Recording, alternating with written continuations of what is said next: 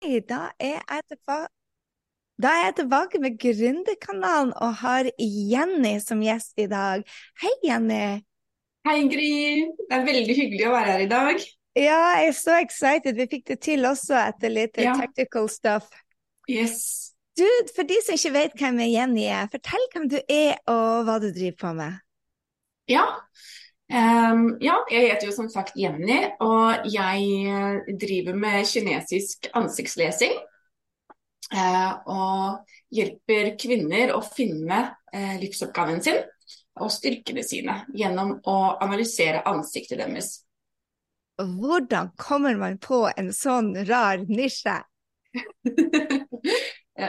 ja, altså jeg har jo jeg har jo en bakgrunn som er kanskje litt annerledes enn mange andre sin. Så jeg har vært igjennom mørke tider i livet mitt og lett etter Jeg har lett etter en høyere mening med livet ganske lenge. Helt fra jeg var liten, egentlig. Eh, og det brakte meg jo inn i rus og mørke. Eh, og når jeg kom, eh, kom til det punktet hvor jeg ble rusfri, så begynte min søken på en mening med livet på alvor. Så jeg har vært innom alt mulig innenfor selvutvikling, jeg har vært innenfor human design, eh, alt mulig emosjonell utvikling. Eh, så brakte det meg til eh, face reading. Jeg ble kjent med Gabby Bernstein. Eh, fordi jeg ble tiltrukket av hennes historie. Hun har ganske like historie som meg. Jeg ble tiltrukket av Spirit Junkie. At noen med lik bakgrunn som meg hadde snudd helt om akkurat sånn som jeg følte at jeg hadde gjort. Uh, og via henne så ble jeg kjent med en som uh, drev med facereading. Uh, og da ble jeg veldig fascinert, og jeg måtte prøve det. selvfølgelig. Og så viste det seg at hun skulle starte opp en internasjonal skole, så jeg hoppa på den. Utrolig spennende.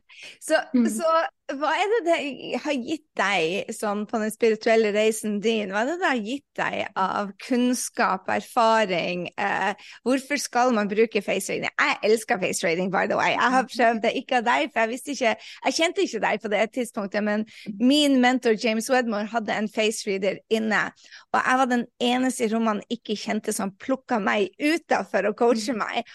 Han var så spot on på mine styrker og mine svakheter at jeg satt bare der og bare Han kjente meg bedre enn fyren jeg hadde bodd i lag med i 30 år. Mm. Det, det, var scary. Han, han, kjente meg nesten bedre enn jeg kjente meg selv, ut av de utfordringene jeg ville møte på grunn av hvem jeg var. Så, så hvordan forklarer du dette? Ja, ja, det er, det er, ikke enkelt å forklare egentlig. Så jeg øver meg fremdeles på å forklare det på en god måte. Eh, så eh, gjennom livet så har vi jo prøvd å passe inn veldig lenge. Så det, det, det handler om er egentlig å komme tilbake til den som du egentlig er, og virkelig connecte med styrkene dine. Fordi dem glemmer vi ofte litt på veien. Så det er å ta tilbake kraften, finne stemmen din og finne troa på at du har noe å komme med. Og det er jo kjempeviktig når du skal finne livsoppgaven din. Ja, er det mange som er der ute og søker 'jeg vil finne livsoppgaven min'? Ja, det er noen som vil finne livsoppgaven sin, eller faktisk veldig mange. Eh, fordi hvis du har hatt en jobb som du kanskje trodde at du var, var rett for deg, og så fant du ut at den jobben gir deg ikke noe mening lenger, du søker etter noe mer, men du vet ikke helt hva. Du har kanskje så mange ting som du er god på, du liker så mye, du vet ikke helt hva du skal velge. Så du trenger litt, grann, litt grann guiding for å finne ut hva som egentlig er best for deg å satse på. det. Jeg skjønner. Så, så, hvordan er det det har hjulpet deg i, i din reise? Ja, og det har hjulpet meg på så mange plan at det, det er nesten vanskelig å beskrive. Men jeg, jeg hadde jo en, jeg hadde en jeg visste at jeg hadde evner. Jeg visste at jeg var her for noe. Jeg visste at jeg skulle bruke historien min til godt for andre, men jeg turte ikke helt å tro på det. Så det har fått meg til å slutte å spille liten. Det har fått meg til å tro på meg sjøl. Eh, og det har fått meg til å tørre å satse på det som jeg ønsker, og til å bruke stemmen min. Eh, og til å snakke om de tinga som jeg tidligere var litt redd for å snakke om til andre enn dem som jeg var trygg på. Når traff vi hverandre i Larvik? Var det ikke der jeg traff deg første gangen? Eller? Jo, nei, vi var, oss, vi var i Holmestrand. Holmestrand heter det, ja. ja. Der var vi. Da satt du og gjemte deg og sa ikke et ord og så nesten litt redd ut. Ja, og det, jeg var jo veldig der hvor jeg visste at OK, jeg har denne livsoppgaven, jeg, har den, jeg skal gjøre dette, men da må jeg ut der og vise hvem jeg var. Eh, og det var veldig, veldig skummelt for meg. Jeg var livredd. Eh, og jeg er også litt livredd for deg. ja, jeg, altså, det, for, for, helt ærlig, jeg har aldri sett noen som hadde en sånn transformasjon som du. Altså, da vi møttes, så tenkte jeg bare hvordan i all verden skal noen som er så redd, klare å slå igjennom som gründer? Men jeg hadde den tiltrekninga til deg som var helt sånn merkelig virkelig altså den, den, intensiteten mellom oss, eh, den var der. Og jeg følte at du var litt redd meg. Samtidig så jeg var utrolig fascinert av historien din. Men jeg har aldri sett noen, helt, helt ærlig eh, Jenny, jeg har aldri sett noen som har hatt en sånn transformasjon som deg. Fordi at du satt og gjemte deg, og du snakker så lavt at jeg hørte ikke et eneste ord ut av det du sa. Mm. Og måtte dra ordene ut av deg for å få deg til å dele litt. Og nå mm. you're not just you, du stoppelig. Så, så hva har skjedd i løpet av dette halvannet året som har gått? Ja, Det har jo skjedd så utrolig mye, og det fortsetter jo å skje ting hele tiden. Så jeg har jo hatt litt av en reise eh, både før og etter jeg traff deg. Eh, og før jeg traff deg, så, eh, så når jeg først meldte meg inn i scaleup, så var jeg veldig redd for å gå på eh, arrangementer med masse andre eh, kvinner. Jeg var livredd for det. Ja. Så, jeg, ikke sant? så på det første store treffet, så da dro ikke jeg. Jeg eh, klarte ikke Eller jeg så for meg mye rart oppi hodet. Jeg var inni hodet mitt og så for meg mye. Eh, så jeg var rett og slett redd. Men når jeg begynte å utfordre meg sjøl og bli kjent med noen av damene i scaleup, begynte å føle at jeg hadde venner der, og jeg kunne stole på dem, jeg kunne åpne meg om historien, det var ingen som dømte meg for det som jeg kom med. Så eh, jeg begynte å slappe mer av, rett og slett, og stole på Jeg begynte å stole på mennesker, fordi det gjorde jeg jo ikke. Ja, det er så fantastisk. Så, så eh, de treffene vi har, har også endra perspektiv Altså, jeg, jeg, vet, jeg, mangler virkelig ord, for å være helt ærlig. For jeg har aldri sett en sånn transformasjon, for du, du virkelig satt og gjemte deg. Og nå når vi er sammen, så du står så sterk i krafta di, og du, du vet hva du vil, og du blir hørt og du tar ordet, og du sier ifra noen ting ikke funker, og du, du har virkelig um, Du har gått fra å være usynlig nesten til å lede, uh, og det er jo bare helt fantastisk. Og, og det, du, det, jeg hører du sier da, er det at når du begynte å stole på mennesker igjen, mm. så kom, som kom du ut. Mm. Ja, absolutt.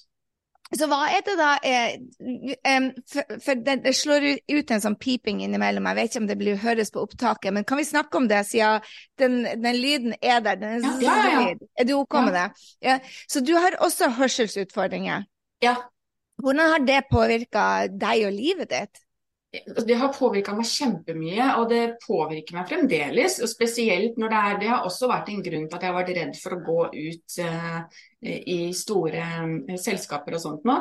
Uh, men jeg har jo høreapparat på begge øra og tinnitus. Så, sånn som når vi er kobla på nå, på Zoom, så er jo jeg kobla til forskjellige dingser. Og, og, det gjør jo det. det kan slå inn på opptaket, men jeg håper jo at det går fint. men det, det, som egentlig har vært mest utfordrende, som jeg har vokst mest på, eh, har vært å være åpen. Eh, og eh, si ja til alle tingene som har, alle eventene som har skjedd i scaleup. Eh, og, og gått forbi det med hørselsproblemer og ikke latt det stoppe meg. Fordi det er veldig fort gjort å la det stoppe deg. Jeg vet om mange som har høreapparat og som sitter hjemme og egentlig vil ut og bli med på ting. Eh, så det å ikke la det hemme deg, ja, for det handler jo om at man føler seg annerledes. Om det er ja. et høreapparat, eller om det er at man tar mye plass, eller for mm. lite plass, eller ja. eh, Det blir spennende å høre om du får, får høre det nå, at du tar for mye plass. At du går fra å få kjeft fra å ta for lite plass til plutselig å være for mye. Men ja. det, må være, det må jo være noe som de rundt deg også merker. Ja, altså de, de hjemme de, Her har jeg jo Jeg er liksom sjefen i huset, så så, så, for dem så uh, se, merker de Jo, de merker nok at jeg har det mye, mye bedre. Og, så, men det som jeg er veldig takknemlig for etter at jeg traff deg, er at jeg har fått virkelig gått inn i de tingene som jeg har vært veldig redd for. Du har gitt meg muligheten til å komme og eh, jobbe med frykter eh, og vokse. Så, så hva er det du var så redd for, egentlig? For, for, Jenny, du er jo så sterk nå at det er vanskelig for de som ikke kjente deg før. Hva mm. var det du var så redd for? For, mm. for jeg hører du, du var redd for mennesker, og du var redd for meg. Men hva er det som gjorde at du var redd for mennesker? Er, er det erfaringer? Er det en, hva, det du, trodde du at folk skulle bite deg, eller være slemme med deg, eller For hunder forstår jeg. Jeg forstår ja. hunder, men forstår ikke mennesker. ja, ja. ja da, nei, det er, nok, eh, det er nok litt eh, forskjellige ting.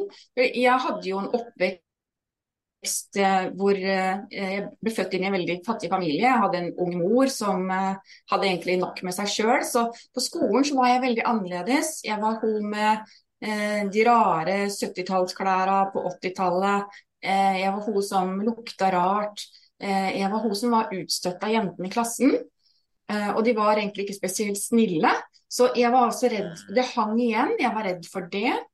Pluss at jeg også, selv om jeg var veldig stolt av historien min, det at jeg hadde kommet meg ut av eh, heroinmisbruk og dopsalg og alt det der sånn, og så var jeg redd for å bli dømt for det også.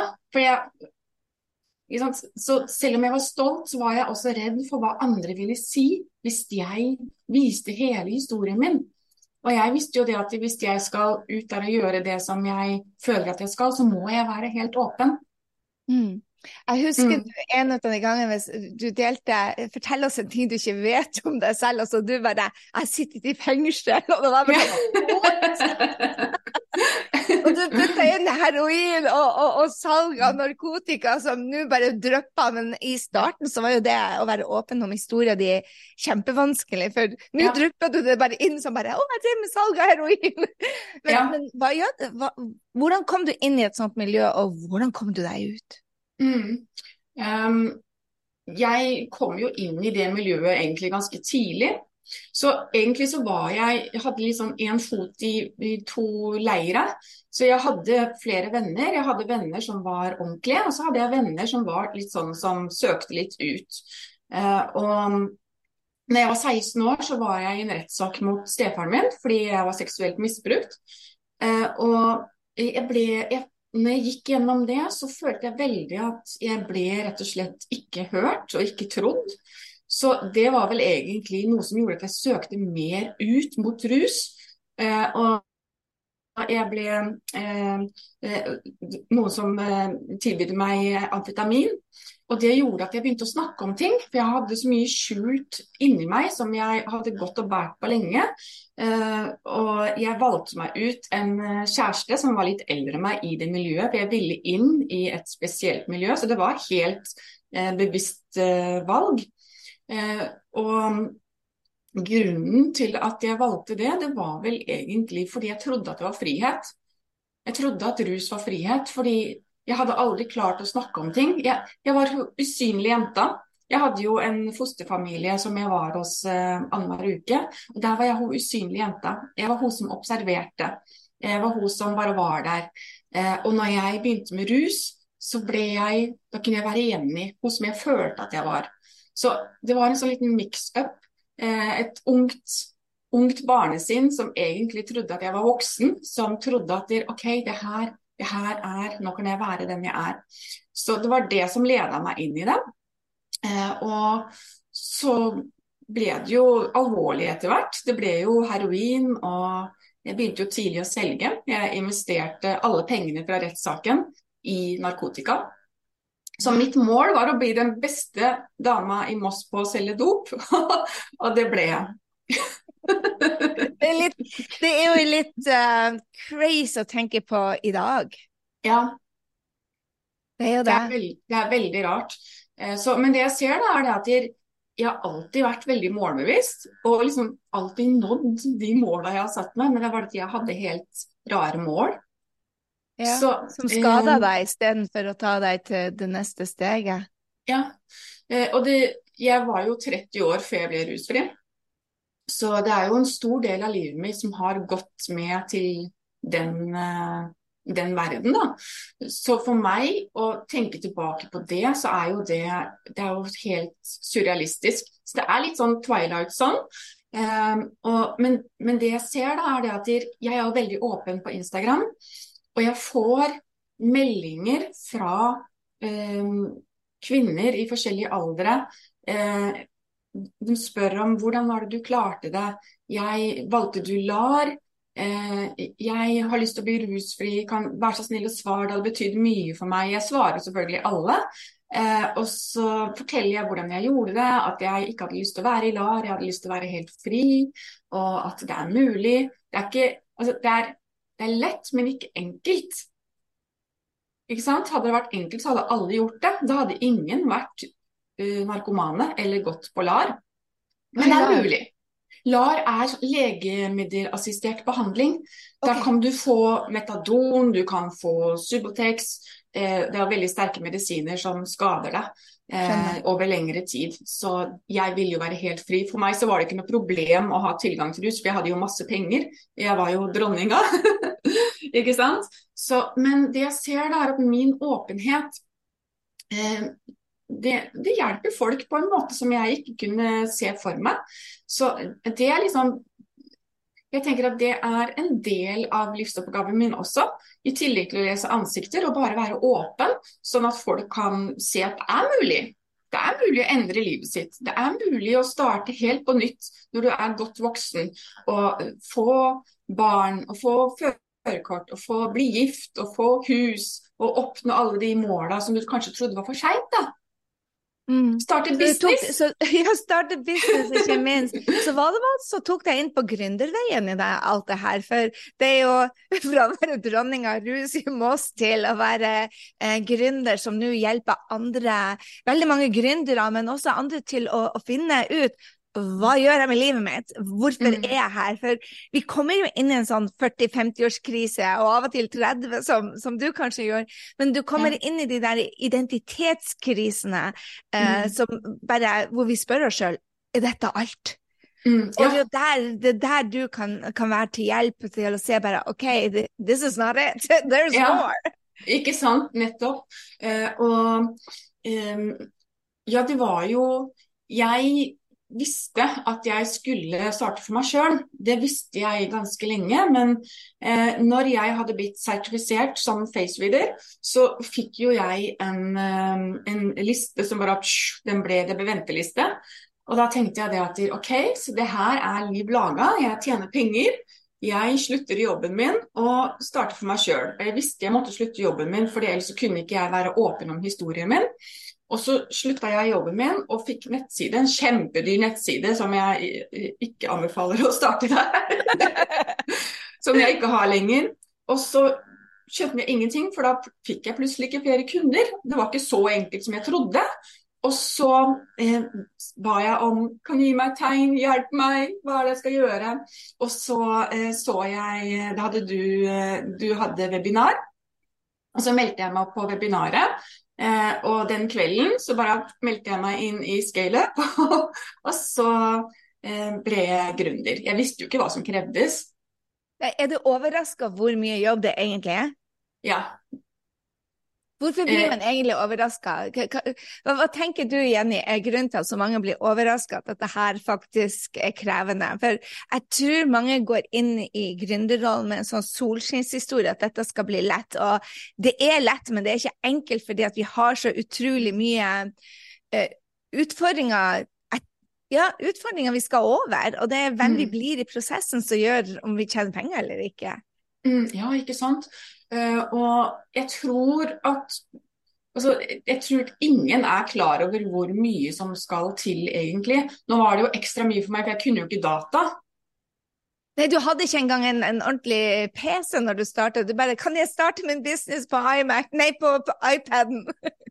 Og, og der, jeg, jeg, kunne faktisk ikke data, så jeg, jeg, brukt Jeg brukte bare data til eh, Facebook, Instagram. Jeg kunne ikke engang kopiere en link eller eh, opprette et Google-dokument. Og du visste så, heller ikke hva en URL var? Altså linken vg.no, du visste ikke det, hva det var for noe? Nei, så det var helt nytt for meg. Ja.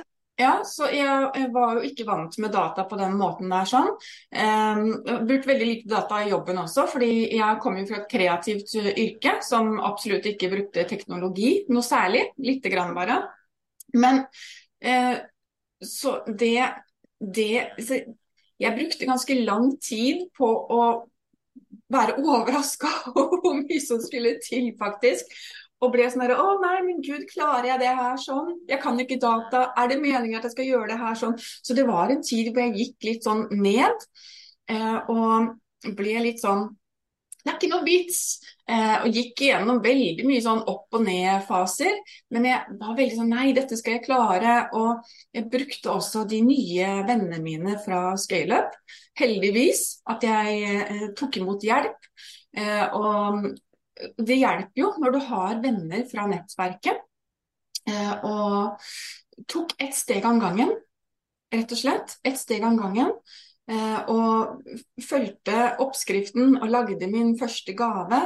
Eh, og det var vanskelig. Jeg satt og gråt av frustrasjon mens jeg lagde min første gave. Men det er jo mulig. Nå har jeg jo lagd to kurs to kurs, og du har masse mm. kunder også. Bare, eh, du gikk altså fra å Hvor lenge har denne prosessen tatt deg?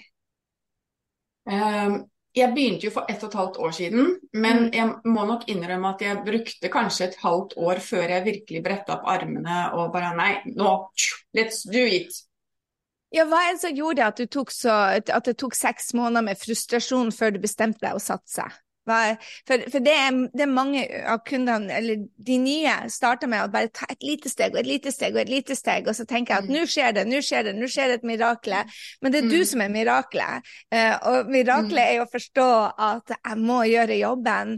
Mm. Men, men, det tok deg seks måneder, for du tok dette seriøst. Enda du hadde mm. sagt opp jobben. Hva tror du skulle mm. til for at du hadde skjønt det tidligere, at her må jeg faktisk satse? Er det ikke mer en hodejobb enn en fysisk jobb, egentlig?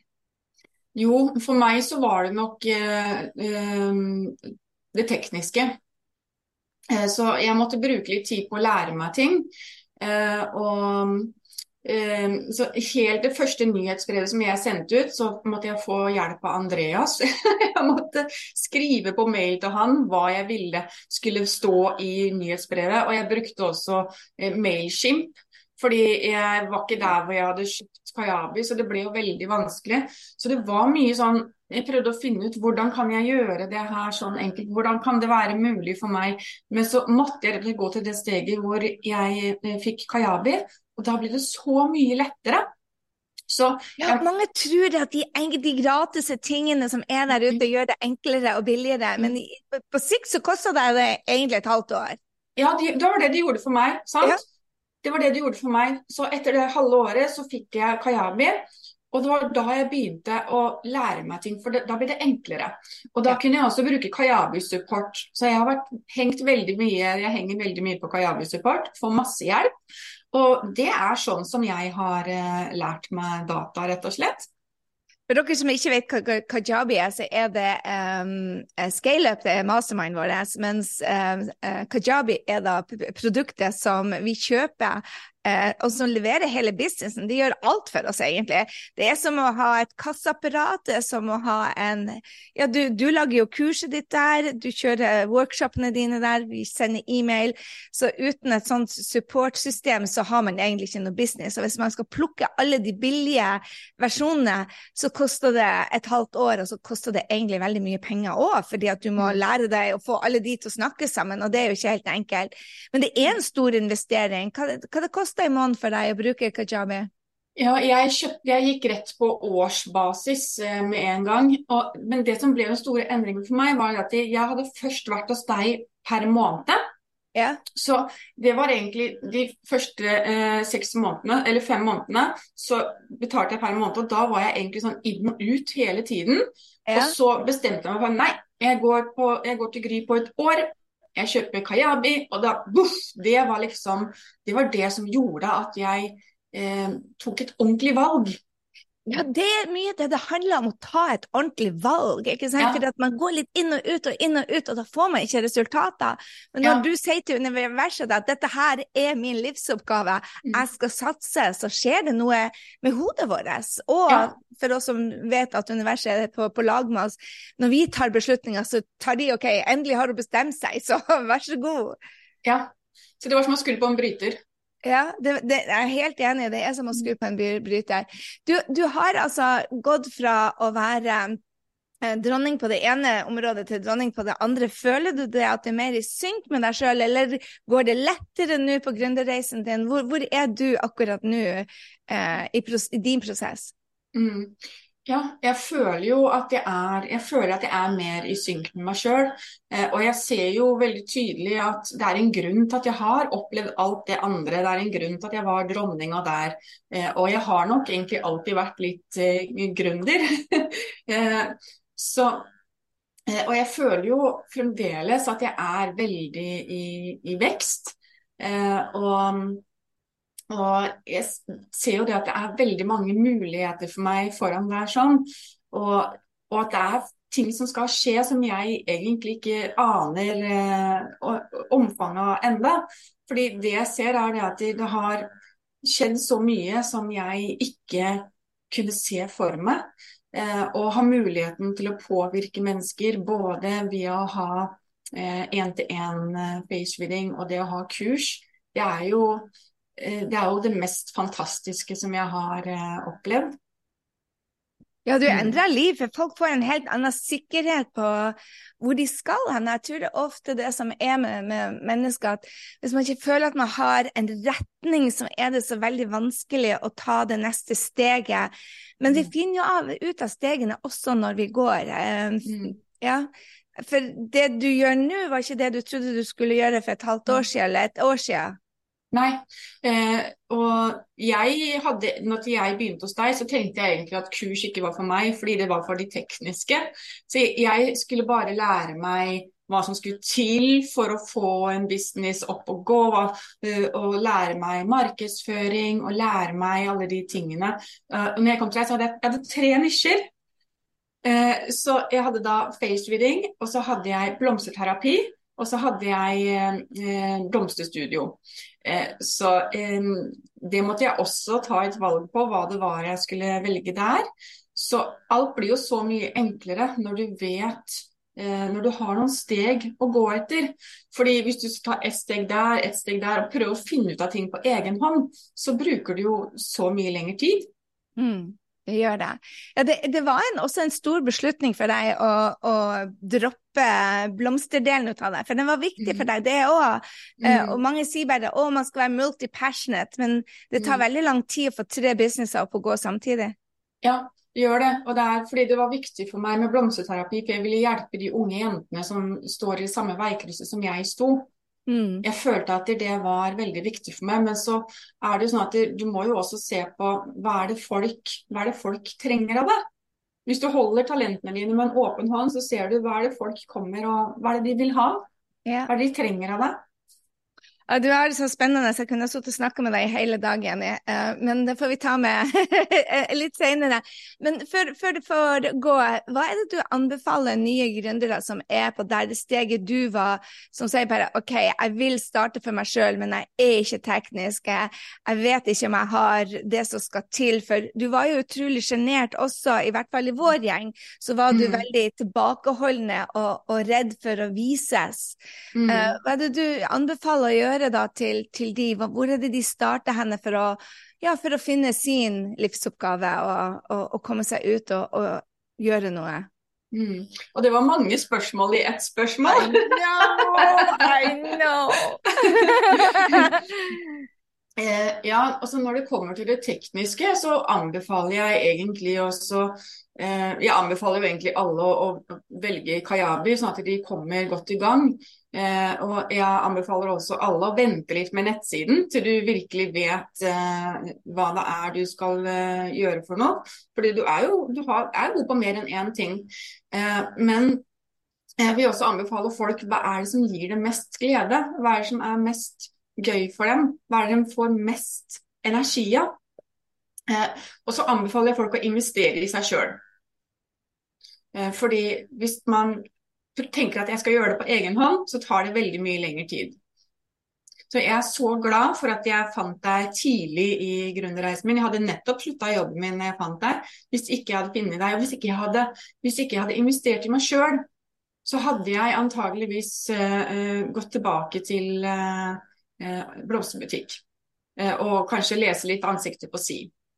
Så hva tenker du, for det var 30 000 kroner først, og så 200 000 kroner i investering gjorde du.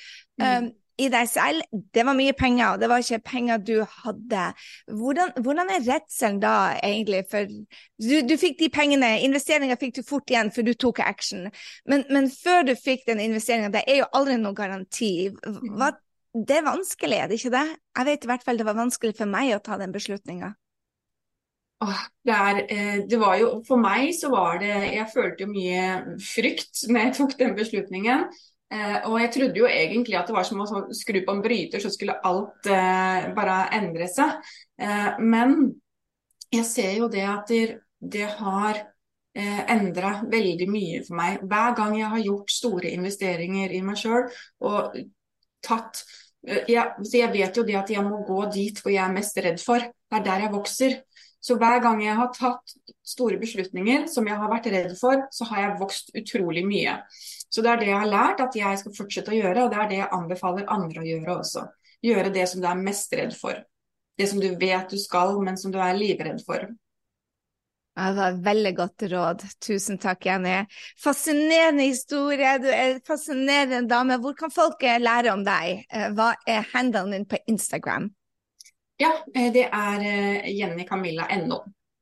Jenny Camilla NO. Tusen takk, Jenny Camilla, for en fantastisk deling av historien din. Vi er så glad for å ha deg med i gjengen.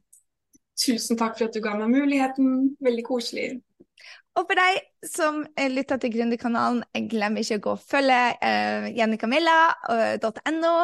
Og er du interessert i å være med oss i Gründergjengen, så vet du hvor vi finner oss. Grysynding.no henger vi på. OK, hei så lenge. Da ses vi neste uke.